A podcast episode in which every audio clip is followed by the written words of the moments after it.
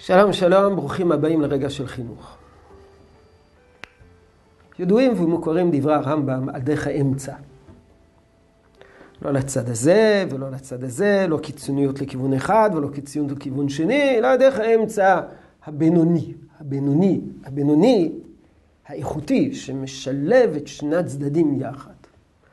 אחרי שהרמב"ם מעריך בדרך הבינונית, דרך האמצע, כותב הרמב"ם שמי שהולך בדרך האמצע מקיים והלכת בדרכיו.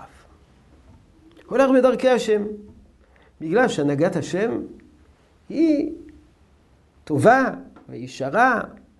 הנהגת השם בעולם היא בדרך האמצע, לא קיצוניות לכיוון אחד, לא קיצוניות בכיוון שני.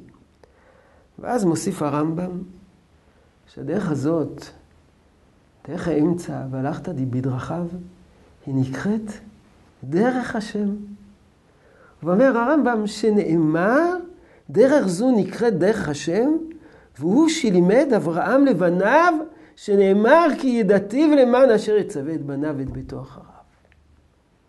אהה. הדרך הזאת נקראת דרך השם. דרך האמצע. מאיפה הרמב"ם למד בפסוק הזה את דרך האמצע? לעניות דעתי, הרמב"ם למד את זה מצדקה ומשפט. חסד ורחמים, חס, סליחה, חסד ומשפט, דין ורחמים, דרך השם, משפט, צדקה, זה בדיוק דרך האמצע, מפני שהתורה מצווה לחנך את הילדים שלנו לשני דברים שונים לחלוטין. מצד אחד למידת החסד, מצד שני למידת הדין, למשפט, לצדק. איך אפשר לשלב את שני הדברים יחד? תשובה, הדרך היחידה לשלב שני הדברים יחד זה דרך האמצע. זו דרך השם.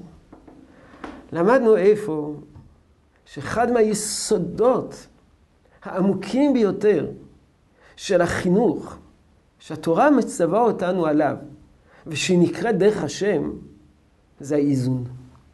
האיזון בין הצדדים השונים. דרך קיצונית, שיטה קיצונית של חינוך, היא לא דרך השם. הדרך הנכונה לחנך את הילדים שלנו ולקיים בזה למען אשר יצווה את בניו ואת ביתו אחריו ולהמשיך את הציווי לאברהם אבינו, זה האיזון, דרך האמצע. זה אחד מעקרונות החינוך. יהי רצון שתשרה ברכה בעבודתנו החינוכית. שלום, שלום.